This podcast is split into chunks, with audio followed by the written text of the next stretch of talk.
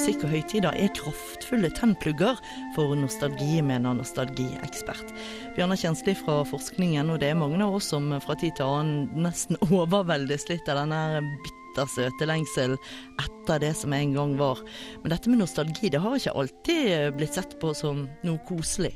Nei, en gang i tida så ble det definert som en uh, mental sykdom, eh, som spesielt rammet sveitsiske leiesoldater på flatmarkene i Frankrike. Det er en litt spesiell definisjon på nostalgi, men uh, men nostalgi kan være ganske overveldende. Eh, men nostalgi er jo en positiv ting, eh, sier jo forskere. da. Nostalgi får oss til å føle tilhørighet og kontinuitet i en travel hverdag, og det får oss til å huske fine ting. da. Nostalgi er ofte knyttet til eh, på å si høytider, sånn som jul og store bursdager og, og den type ting. Blir også nostalgien viktigere for folk i, i vanskelige tider? Ja, eh, altså i sorg eh, så kan eh, nostalgi være bra. Da, da minner nostalgien oss på de båndene vi deler med, med, med, de vi er sammen med og de vi er glad i. Og det kan også minne oss om fine ting om den personen som vi da har mistet eller, eller som har, har, gått fra oss. Da. Så, så nostalgi det er bra. Det kan føles litt trist og sårt, men, men det er fint for oss. Den eh, personlige nostalgien som du snakker om nå, er, er, som du sier ofte knyttet til folk som betyr, eller som har betydd mye for oss. Er det nettopp det som gjør at vi gjerne har en tendens til å bli mer nostalgiske akkurat på denne tiden her, nå som det er jul?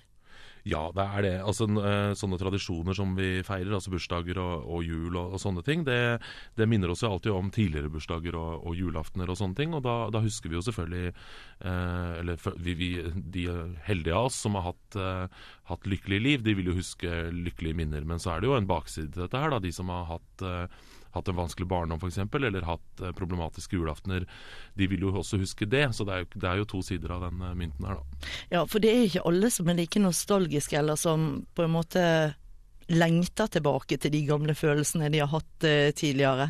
Hva Nei. handler egentlig nostalgien om? Nei, det er, ikke, det er, ikke, så lett å si. Forskerne vet ikke så mye om dette her. Men det som er helt klart, er at de som føler nostalgi veldig sterkt, er også de som føler andre følelser veldig sterkt. Men det er jo klart at eh, som jeg sa, det er jo to sider av det også. Da kan du også føle tristhet og savn og sorg også veldig sterkt, sammen med da, glede og, og, hvor koselig du har hatt det. Så, så nostalgi, det er, eh, det er en, eh, en, fin følelse, men det kan også bringe opp ganske mange vonde minner hvis man, hvis man har det. da.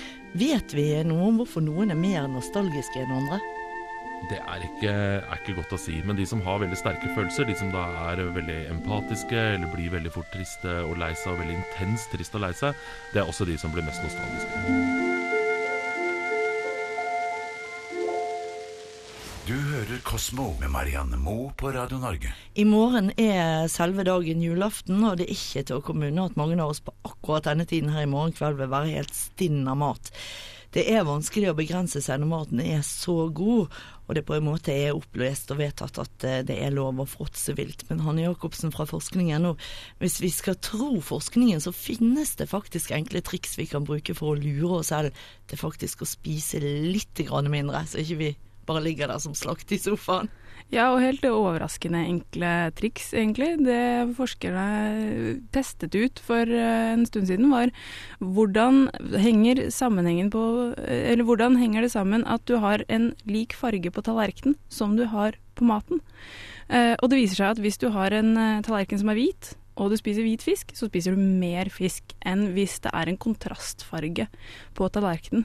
Det ser, altså Hjernen din tror at det er mindre mat på en tallerken som er helt hvit. Da ser du ikke mengden, og så ender du opp med å lesse på mer. da. Så de er litt sånn OK, et triks her, bruk kontrastfarger når du dekker julebordet. Så fargen på dekketøyet rett og slett påvirker hvor mye vi lesser på tallerkenen?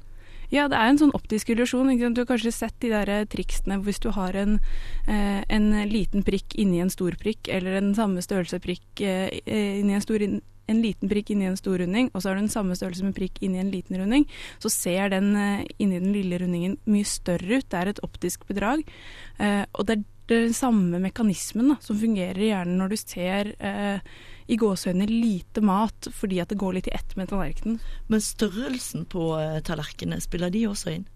Ja da. Eh, stor tallerken gjør at det ser ut som Altså da vil du gjerne fylle den mer eh, med mer mat for at det skal se ut som at du blir like Tro at du blir like mett. Man spiser jo veldig mye med øyet.